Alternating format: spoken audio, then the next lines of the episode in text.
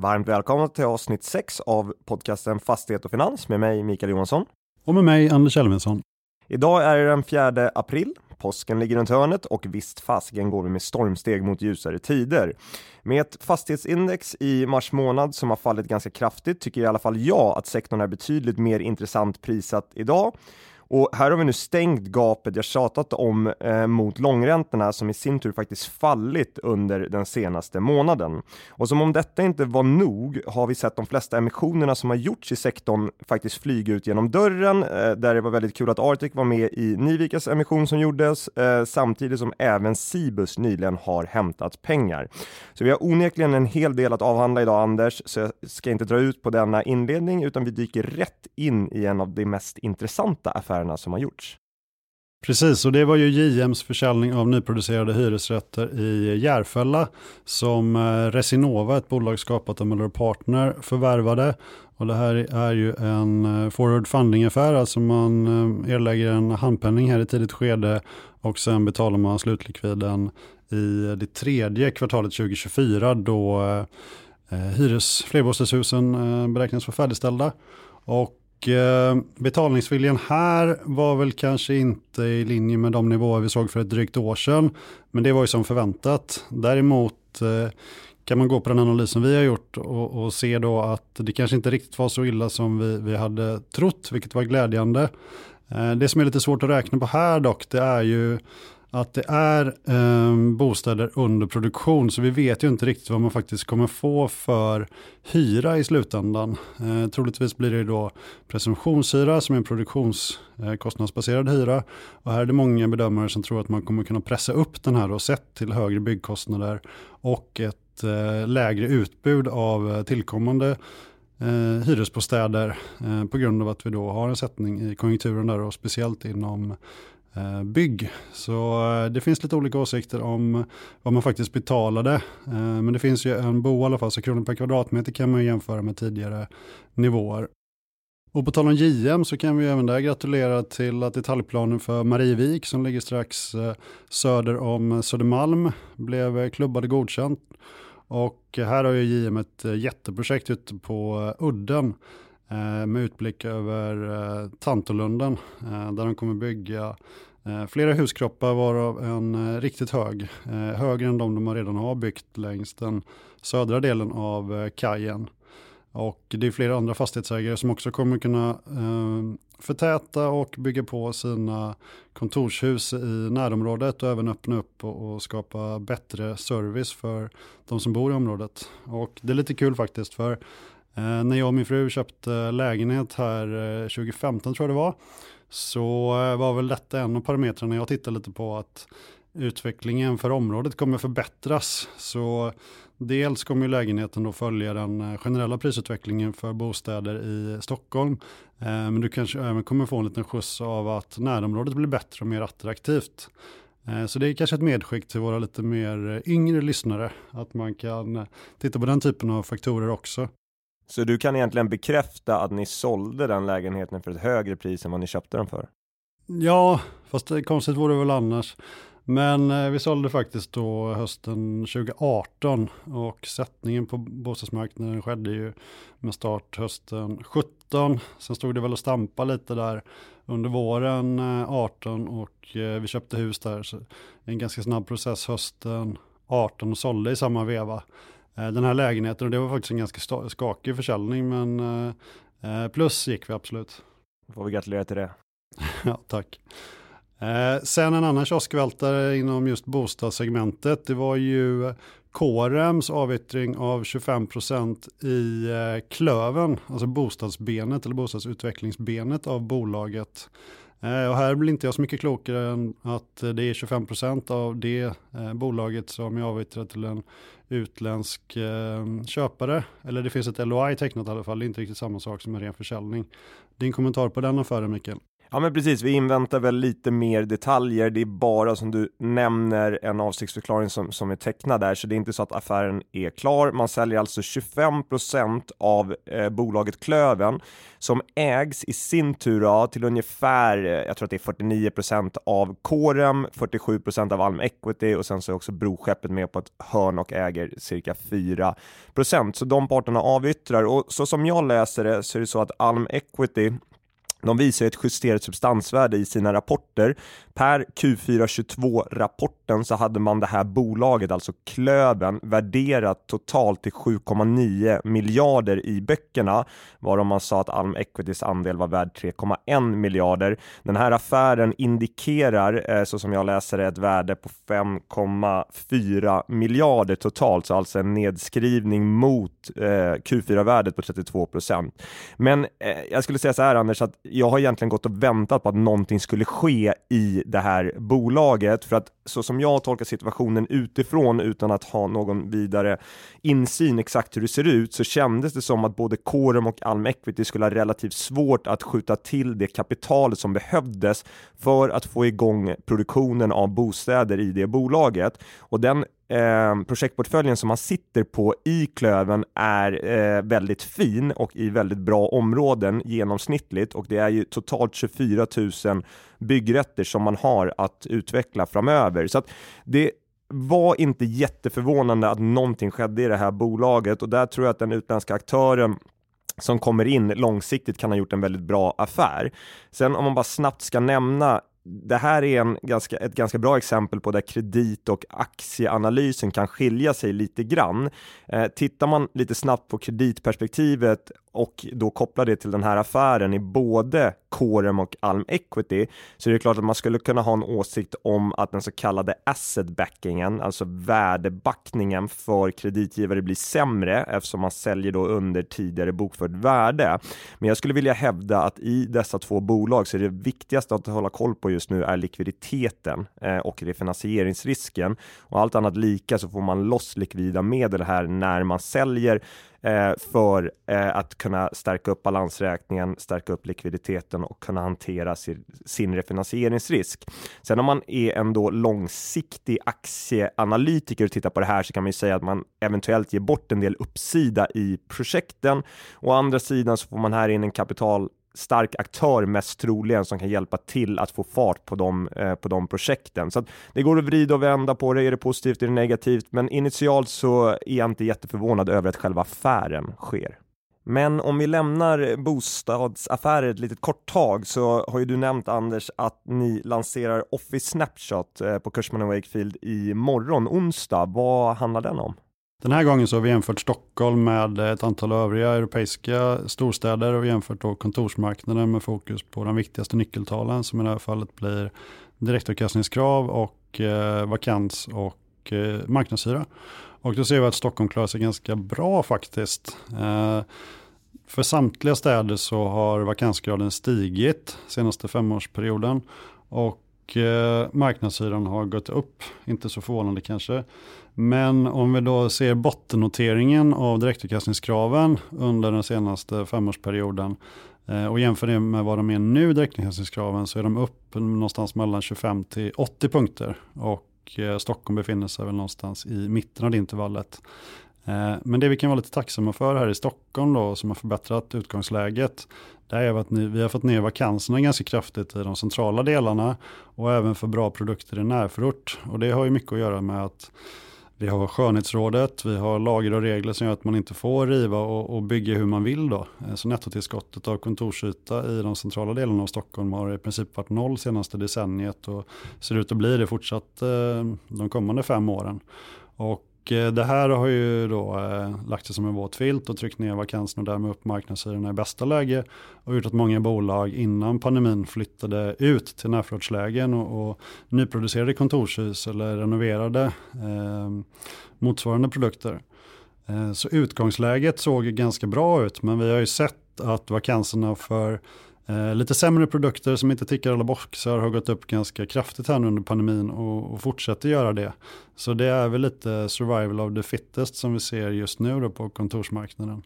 Eh, men jag uppmanar er alla att eh, logga in på Cushman Wakefields hemsida och ladda ner Office Snapshot Sweden 2023 Spring som den heter. Det kommer jag definitivt att göra. Jag tycker det här är eh, något som, som är värt att lyfta, för i min mening i alla fall, gentemot vad jag upplever som konsensusvyn, så tror jag att Stockholms kontorsmarknad kommer kunna gå ganska starkt, framförallt då i, i de bra lägena, även framgent. Och det är ju då med hänsyn till den ekonomiska eh, situationen vi befinner oss i. Och tittar man på hur man värderar vissa av bolagen på börsen med exponering mot den här delmarknaden, så tror jag att man ligger lite fel i sina estimat helt enkelt om hur det här ska spela ut sig. Så det kommer bli en, eh, en eh, del av fastighetssektorn som blir väldigt intressant att följa framgent tycker jag.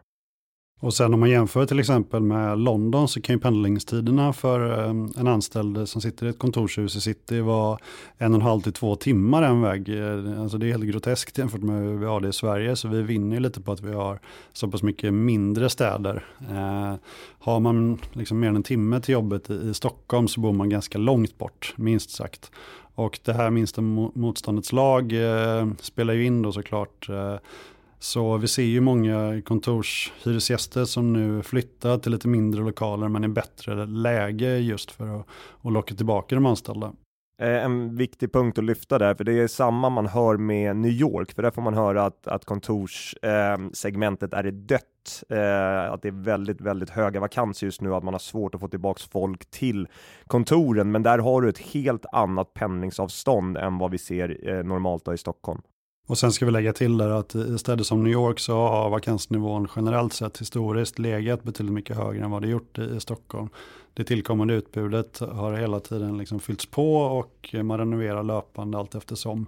Eh, men nu är ju vakanserna betydligt mycket högre än vad de varit eh, historiskt så det finns väl all anledning att vara orolig där och jag har sett flera inlägg på LinkedIn och, och rapporter kring eh, att bygga om eh, kontor till bostäder. Då, så det kommer säkert bli allt vanligare.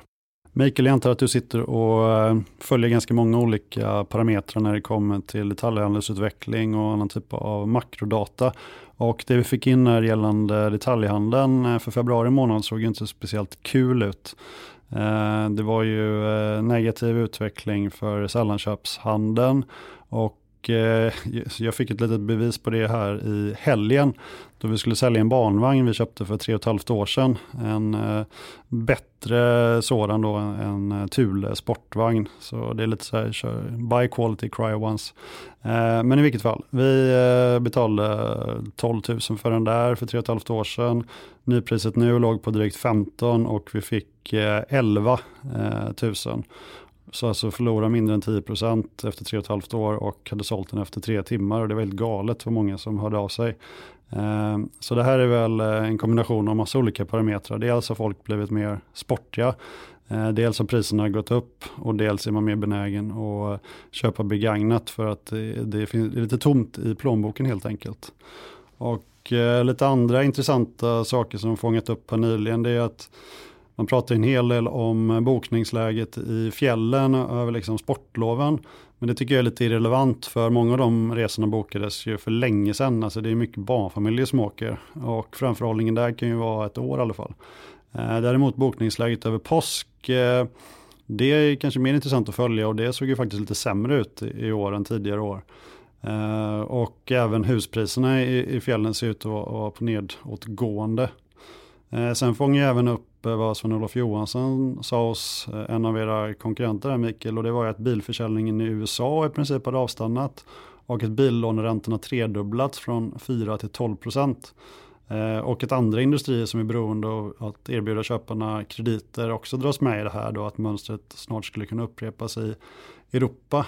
Eh, och en ytterligare liten sista grej där var ju att eh, Ilja som uttryckte sig i samma forum hade noterat att eh, vi snabbt drar oss in i en recession och att han tror att arbetslösheten kommer stiga redan i sommar då. Att han såg eh, långa köer utanför Lidl på eh, Sibyllegatan. Det tyckte jag var lite kul. Och sen i samband med att Stadium gick ut och slog på stora trumman så uttalade sig även eh, Lina Sabello på Svensk Handel. Hon sa då att butiker och kedjor säger upp hyresavtal på löpande band. Och du har ju tidigare varit inne på att det inte är något av de börsnoterade svenska bolagen som har tung viktning mot sällanköpshandeln. Eh, men nu när siffrorna ser ut som eh, de gör får det, ändå, får det dig ändå bli lite orolig? Nej, men det är klart att man blir lite orolig, och ska jag säga det, det är inget av de större bolagen som är väldigt tunga inom, inom det här segmentet som, som du är inne på. Det, de två stora bolagen egentligen Norden är ju Citycon eh, som är det finska eh, bolaget och vi har också ett norskt bolag, då, Olav Thon, som är stora inom, inom framförallt då köpcentrum och sen när det kommer till de svenska större bolagen så är det inte någon jättekoncentration just på handel. Men eh, med det sagt, det är klart att man blir orolig när man hör de här siffrorna och på sätt och vis kan jag väl tycka att vissa av de eh, sakerna du nämner nu och saker man, man hör i branschen blir en första indikation på vad jag skulle vilja kalla för operationell svaghet. Tidigare i podcasten har jag nämnt det här att vi än så länge bara sett en finansiell kris i fastighetssektorn, om vi ska kalla det det, sen egentligen räntorna ställdes upp och kreditspreadar i obligationsmarknaden framför allt och nu på senare tid även i bankvärlden har gått isär eller gått upp, men nu börjar vi höra och se saker som tyder på operationell svaghet och det när vi kombinerar i vissa bolag både tufft eh, finansiellt och tufft operationellt, ja, Anders, då börjar jag faktiskt bli lite orolig. Men vidare då, jag läste i samma artikel eh, som du pratar om med Lina Savdello eh, och det hon sa om fastighetsvärdering. Eh, jag citerar, många hyresvärdar ser hellre vakans än sänkt bashyra med motiveringen att det är bättre för fastighetsvärderingen. Ett sy systemfel tycker vi. Ligger det någon sanning i det uttalandet? Till viss del skulle jag säga.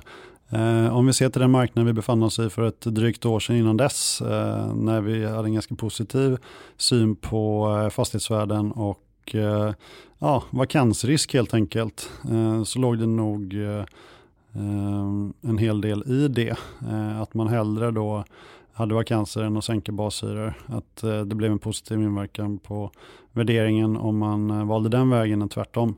Men i dagens marknad så, så är man ju desto mer eh, försiktig och eh, undviker i ganska stor utsträckning just fastigheter med en hög vakansgrad och projekt framåt och får som köpare en ganska bra initial avkastning på den typen av objekt.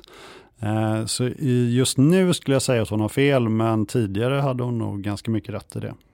Investerarna har varit ganska skeptiska till driftnätutvecklingen framåt för eh, gallerier och köpcentrum med en hög andel sällanköpshandel där man inte har eh, dagligvarubutiker som Ankare eller Systembolaget eller liknande. Vi hade Innova Lund som såldes här efter flera omgångar under hösten till Skandia Fastigheter. Eh, och vi hade nu också Niam som förvärvat två objekt. Eh, ett externhandelsobjekt nere i Haninge, port 73 och sen hade vi eh, nian, innerstadsgalleria i Gävle som gick iväg. Där den sistnämnda väl får betraktas tillhöra det här Galleria köpcentrum med hög andel sällanköp. Eh, så jag skulle tippa på att eh, initial avkastningen eh, för just den fastigheten var, var betydligt högre än för Port 73 då, som eh, i större del ankrad av dagligvaror och den typen av butiken liksom, som man kliver direkt in från parkeringen som gick bra under pandemin och som fortsatt är attraktiva bland investerare. Men jag tycker man hör det de senaste åren, egentligen alla bolag som har exponering mot handel, de pratar om en sak och det är att få in just dagligvaruhandel i sina eh, handelsplatser och eh, få dit butiker och service, saker som man egentligen behöver på daglig basis och det kan väl vara då apotek eller systembolag kanske. Eh, den typen av, av butiker är väldigt eftertraktade att få in, så jag tycker alla pratar om exakt samma sak när det gäller det här.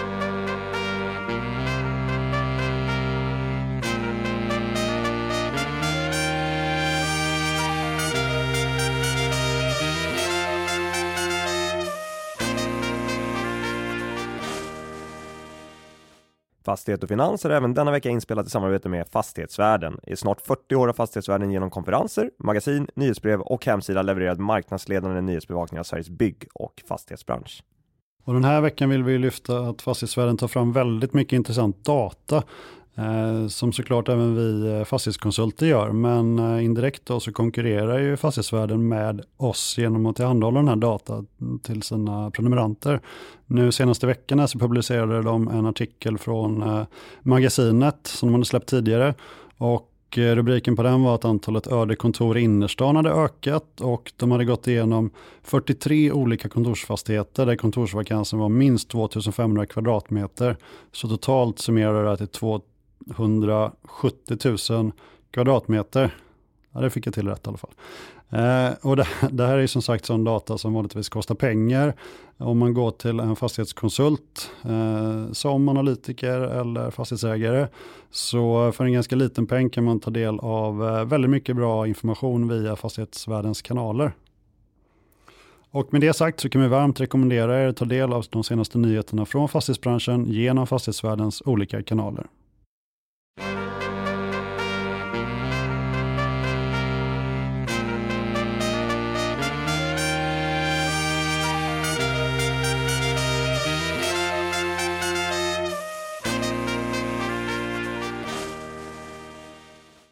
Mikael, du nämnde redan i inledningen att eh, flera nyemissioner har gjorts här senaste tiden. Vi har bland annat Cibus.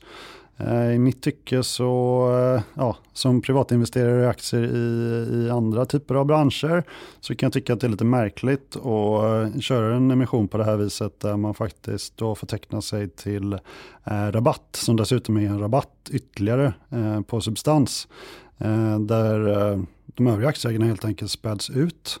Eh, och man behåller utdelningen eh, som är en av deras käpphästar.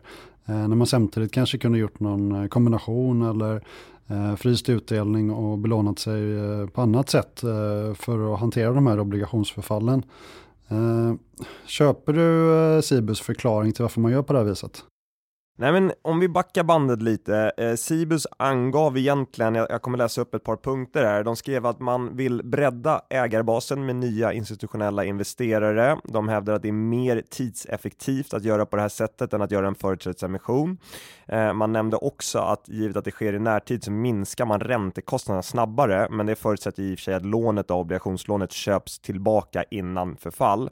Och sen så säger man också att, att en företrädesemission mest sannolikt hade behövt göras på en lägre kurs än vad fallet var eh, då när man gjorde den här riktade.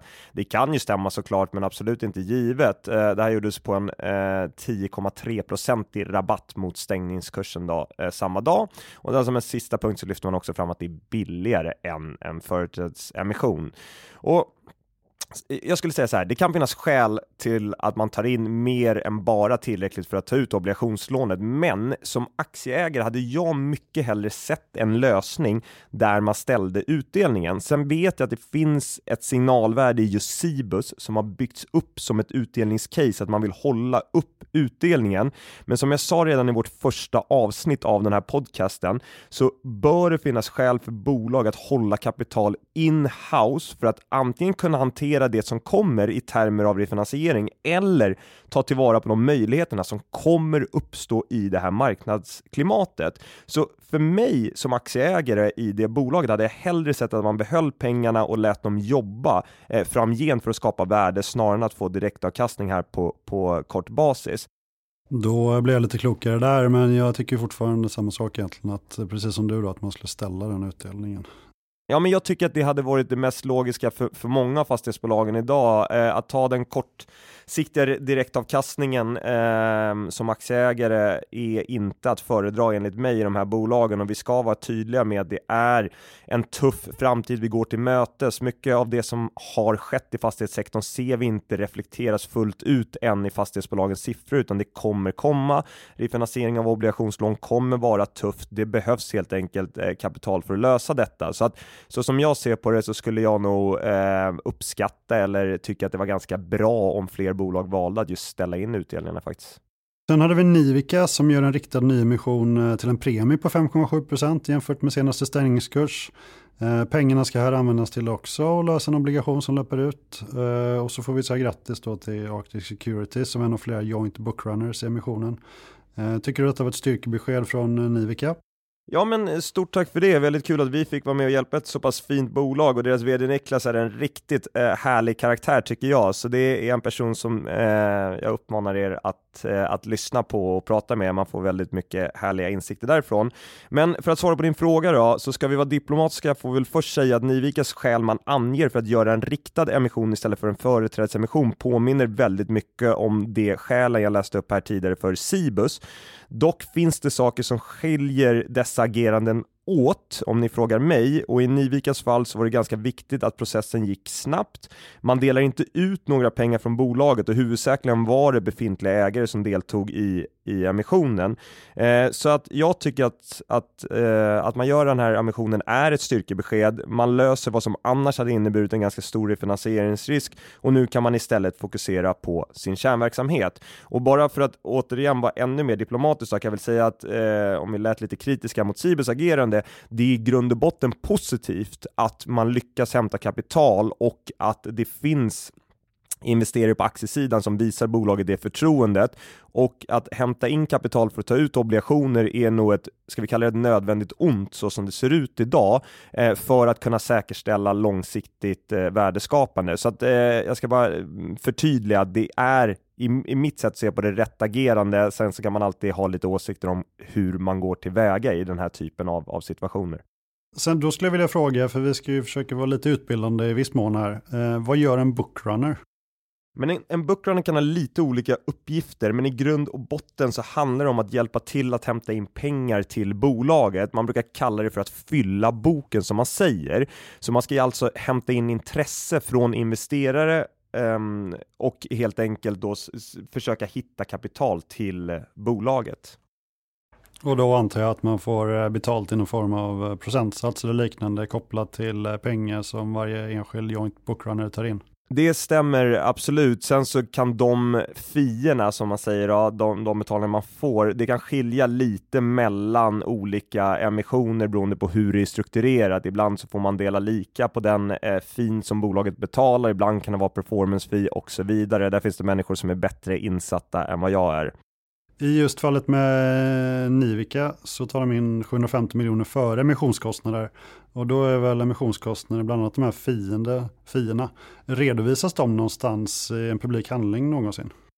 Det gör de faktiskt eh, i rapporterna då, så där kan man hitta vad, om vi tar nyfiken som exempel, där kommer det stå en post då, som heter transaktionskostnader som direkt kan hänföras till emission av nya stamaktier eller optioner. De redovisas netto efter skatt i eget kapital som ett avdrag från emissionslikviden. Och sen lite allmänt kring nyemissioner, vem är det som sätter den här täckningskursen? Är det, min gissning då är att styrelsen gör det med input från investmentbankerna. Är det så det funkar?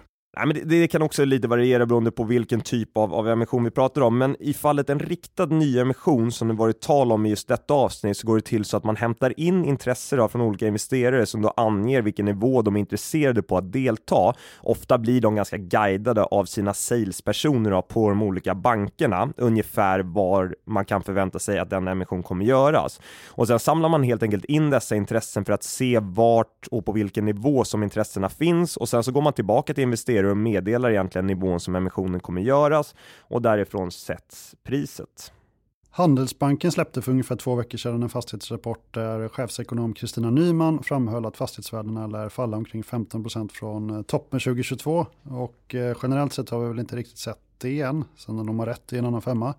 Men hon sa även att eh, ett genomsnittligt börsnoterat fastighetsbolag kan tappa både ett och två steg i kreditbetyg i år och nästa år. Eh, du är ju väl insatt i det här. Eh, tror du det ligger någon sanning bakom det och håller du med? Det kan absolut ligga någon sanning i det, men jag tror faktiskt att hon och Handelsbanken här är lite snett på bollen. Samtidigt så beror det väl på vilket genomsnittligt bolag vi pratar om. Eh, för när jag uttalar mig nu så tänker jag främst på bolagen med officiella kreditbetyg ute. Eh, om vi ska, ska ta med alla bolag utan kreditrating och göra vår egna bedömning där av vilken rating det kom in med 2023 och vilken rating de eh, avslutar 2024 med så skulle uttalandet här nog kunna vara korrekt. Men om vi tittar på bolagen med officiella kreditbetyg så såg vi 15 stycken negativa ratingförändringar under 2022 i någon form från S&P och Moody's när det gäller nordiska fastighetsbolag. Och vi på Arctic i vår eh, sektorrapport som vi släppte, vi tror att Entra, Fabg och Fastpartner får det väldigt tufft att hålla sina nuvarande betyg, alla negativa utsikter på sina ratingar och kommer nog åka ned ett hack om inget oförutsett händer, alltså att man tar in pengar för att stärka balansräkningen. Och sen är det så att Citycon alltid balanserar på gränsen eh, mellan high yield och investment grade, eller alltid, men de har gjort det de senaste åren, givet då sin exponering mot handel som vi var inne på har gått lite tufft här, medan mindre bolag som studentbostäder har fortsatt press på sitt betyg från Nordic Credit Rating som är en lokal, lite mindre ratingfirma. Men de andra eh, bolagen med officiell rating från Moody's och S&P tror faktiskt vi kommer hålla sina kreditratingar oförändrade under 2023-2024. Så när man säger att det kan vara så att man tappar 1-2 eh, steg på ratingskalan i genomsnitt, självklart kan det ske. Vi går tuffa tider mot mötes, men jag tror att det är en liten överdriven eh, syn på det som kommer, som kommer ske eh, under de närmaste åren. Det går inte en vecka utan att eh, SBB nämns i eh, nyhetsmedia och eh, senaste tiden här så har det varit två nyheter kopplat till deras finansiering. Dels drog de ut ett pressmeddelande kring att de hade refinansierat och fått nya lånefaciliteter som totalt uppgick till 11,6 miljarder om jag minns rätt. Men det som hade varit superintressant för, för mig och marknaden att veta antar jag är ju att veta då vilken ränta och Eh, kreditspread de fick eh, på de här nya lånen. Är det vanligt att man kommunicerar på det här viset och vet du något mer här? Nej, tyvärr vet jag ingenting mer än det som stod i det eh, pressmeddelandet och som jag eh, något diplomatiskt skrev om det i vårt morgonbrev den dagen, att utan mer detaljer är det väldigt svårt att ha en åsikt om detta. Eh, allt annat lika så är väl nyheterna på marginalen positiva då de borde ta ner refinansieringsrisken i närtid, men utan mer detaljer är det egentligen bara en gissning mer än en åsikt skulle jag säga. Och sen eh, sa även Ilja i eh, årsberättelsen var det väl att eh, prissättningen på SBBs obligationer förbättras för varje dag och att de räknar med att redan i år göra en nyfinansiering via obligationsmarknaden. Är det här realistiskt eller önsketänkande? Vad tänker du? Ja, det är väl någonstans mitt emellan. Eh, obligationsmarknaden har ju inte direkt varit stark i mars månad, utan sentimentet mot fastighetsbolagen har väl hakat på, skulle man kunna säga, utvecklingen på börsen och snarare har obligationer spreadat isär igen, alltså blivit dyrare för, för bolagen kan man väl översätta det till. Men om utvecklingen blir sådan att fonderna inflöden Eh, fler och fler obligationer ersätts med annan finansiering som vi har pratat om idag. Och aktiemarknaden går åt rätt håll, ja men då kan nog obligationsmarknaden vara igång om vi ska säga, om vi ska uttrycka oss på det lite slarviga sättet eh, i slutet av året för vissa aktörer. Eh, vi ska ju inte glömma här, vilket är ganska, ganska lätt att göra, att en kreditfonds uppgift är egentligen att allokera pengar. Och just nu sitter man ju och klipper kuponger för varje dag som går, alltså man får ränta betalt på de obligationer man äger. Så så länge de här fonderna inte har utflöden, de får de här kupongbetalningarna och en del ehm, kapital försvinner eller en del obligationer ersätts med annan finansiering så betyder det att de här fonderna får tillbaka pengar som de tidigare haft investerade.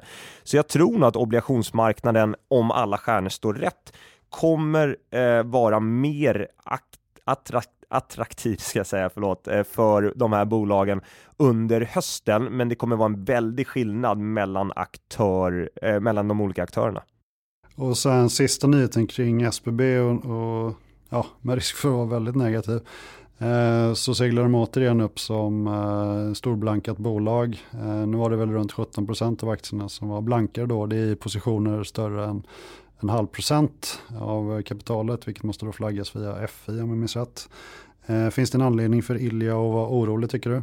Ja men alltså att vara det mest blankade bolaget är väl inget kul oavsett vilket bolag man är egentligen och det är garanterat något som bekymrar Ilja eh, och sätter vissa begränsningar i deras finansiella flexibilitet skulle jag säga, vilka instrument de kan använda sig av. Eh, vi har bland annat pratat om det här med konvertibel som Balder gjorde och att det tenderar att öka blankningen i ett bolag för den typen av instrument eh, attraherar då blankare normalt. Eh, så det här sätter vissa käppar i hjulet för dem. eh, valmöjligheter som SBB har här framgent. Men jag kan väl någonstans känna att man ska vara lite orolig som blankare i ett bolag som SBB för att när retailflödena sätter fart där så kan det gå ganska snabbt i det bolaget, alltså att aktiekursen kan röra sig ganska fort. Och Medan uppsidan på en blankning är begränsad, begränsad så är faktiskt nedsidan oändlig och det är någonting man ska ha med sig här. Och när ett bolag är så pass, eh, så pass blankat som SBB är så kan det bli så att det är många som behöver täcka positioner på väldigt, eh, väldigt kort, eh, kort tid. Då. Så då kan det bli ett tryck, ett köptryck i aktien som driver upp det där ännu mer och som blir jobbigt då för de som ligger kvar och blankar bolaget. Så det är väl någonting att, att ta med sig i alla fall. Det vet till och med jag vad det heter, det heter short squeeze va? Stämmer, stämmer. Det är det uttrycket man brukar använda för det. På ett möte vi hade med investerare i eh, förra veckan så sa en person eh, när hen såg en slide på korsägandet i svensk fastighetssektor att Oh, it looks like Iceland 2007-2008. Eh, och det kändes ju inte skitbra. Hur illa kan det bli om en går under? Är det liksom ett korthus som kan falla det här? En ganska rolig kommentar om situationen. Vi har ju på Arctic gjort den sliden ett antal gånger där man sätter, sätter ihop det här korsägandet av på en bild och försöker visa på de olika kopplingarna som finns mellan eh, antingen privatpersoner eller då mellan bolagen. Och det jag skulle säga är väl att just för att svara på din fråga, det beror lite på vem det är som går under, men absolut så finns det en risk att om fel spelare får problem samtidigt så kan det vara så att någon Ehm, i denna lek, om vi ska, eh, ska kalla det det, sitter med ett par för många Svarte Petter på sin hand. Så jag tror att det finns anledning till att det här äh, ägarsituationen, ägarbilden i svensk fastighetssektor, den behöver städas upp och göras mer transparent och mer tydlig. Det skulle hela sektorn tjäna på på lång sikt och ta ner riskerna. Du, indirekt har vi pratat aktier hela avsnittet här, men eh, om vi ska tala specifikt om just aktiekurser så var ju till exempel Balder nere och vände på femårslägsta här i förra veckan, eh, runt 37 kronor, vilket den bottnade på även i höstas. Och eh, substansrabatterna för en del bolag är ju eh, brutala minst sagt. Och om vi ska generalisera och säga de tre största anledningarna till att vi ser dessa rabatter just nu, vad, vad är det Mikael? Nej men eh, jag måste säga det att eh, efter nedgången i mars månad är detta mer intressant att titta på och investerarkollektivet tycker eh, inte att det är lika intressant längre att gå kort de här bolagen som man gjorde tidigare. Så att eh, allt annat lika då så är de här bolagen mer attraktivt prissatta idag jämfört med för någon månad sedan. Men tre punkter som gör eh, att det ser ut eh, som det gör idag då, skulle jag säga är att ingen litar på bokförda värden utan börsen anser att värdena är väldigt mycket lägre än vad bolagen har i böckerna. Den andra punkten är att bolagens kassaflöden kommer ta mycket stryk av den korta räntebindningen. Detta gör att en låg 2022-multipel på intjäningen ser betydligt sämre ut om man sätter det mot exempelvis 2024 intjäningen, då räntekostnader helt enkelt kommer att öka mer än vad intjäningen gör för många av de här fastighetsbolagen. Så det är någonting som investerare tittar mycket på, alltså vad jag skulle vilja kalla för kassaflödesmultiplar, även om förvaltningsresultatet inte kommer direkt från kassaflödes eh, eh, statementet. Då.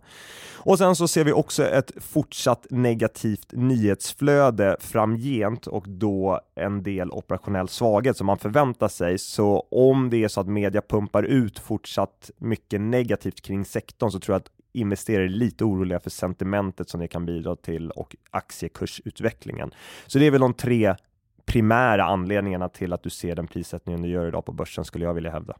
Tack. Och Eh, nästa avsnitt har vi tänkt att eh, vara en, eh, ja, ett specialavsnitt helt enkelt. Där jag frågar dig kring hur du utför dina aktieanalyser. Som du nämnt indirekt också är någon form av kreditanalys. Och jag har faktiskt redan nämnt detta för några personer som har bidragit med frågor. Så du kommer, du kommer få det hett om öronen Mikael. Och vill ni skicka in frågor till detta avsnittet så kan ni antingen göra det till mig, alltså Anders Elfvinsson, som arbetar på Cushman Wakefield eh, via LinkedIn. Eller så kan ni göra det till eh, vår gmail som är fastighetfinanspodcast.gmail.com och där kan ni använda någon gammal hotmail-adress om ni vill vara anonyma. Jag som tänkte ta påskledigt här och lite lugn och ro blir nästan lite nervös när jag hör att det redan är folk som har börjat bidra med frågor. Så det, man får väl helt enkelt börja förbereda sig. Ja, jag tror det, det är det minsta du måste göra. Och eh, Eh, som sagt, påsken närmar sig. Eh, vi hoppas att ni kan avnjuta detta avsnitt, kanske på en promenad i fjällen eller ute vid sommarstället. Vi petar in den vanliga disclaimen då, att allt som jag och Anders har sagt idag inte ska tolkas som en köprekommendation i något finansiellt instrument. Och det gäller ju självklart mig också. Och återigen vill vi tacka Fastighetsvärden som är samarbetspartner till den här podden och också våra arbetsgivare Cushman Wakefield och Arctic Securities. Tack så mycket för att ni lyssnade. Glad påsk!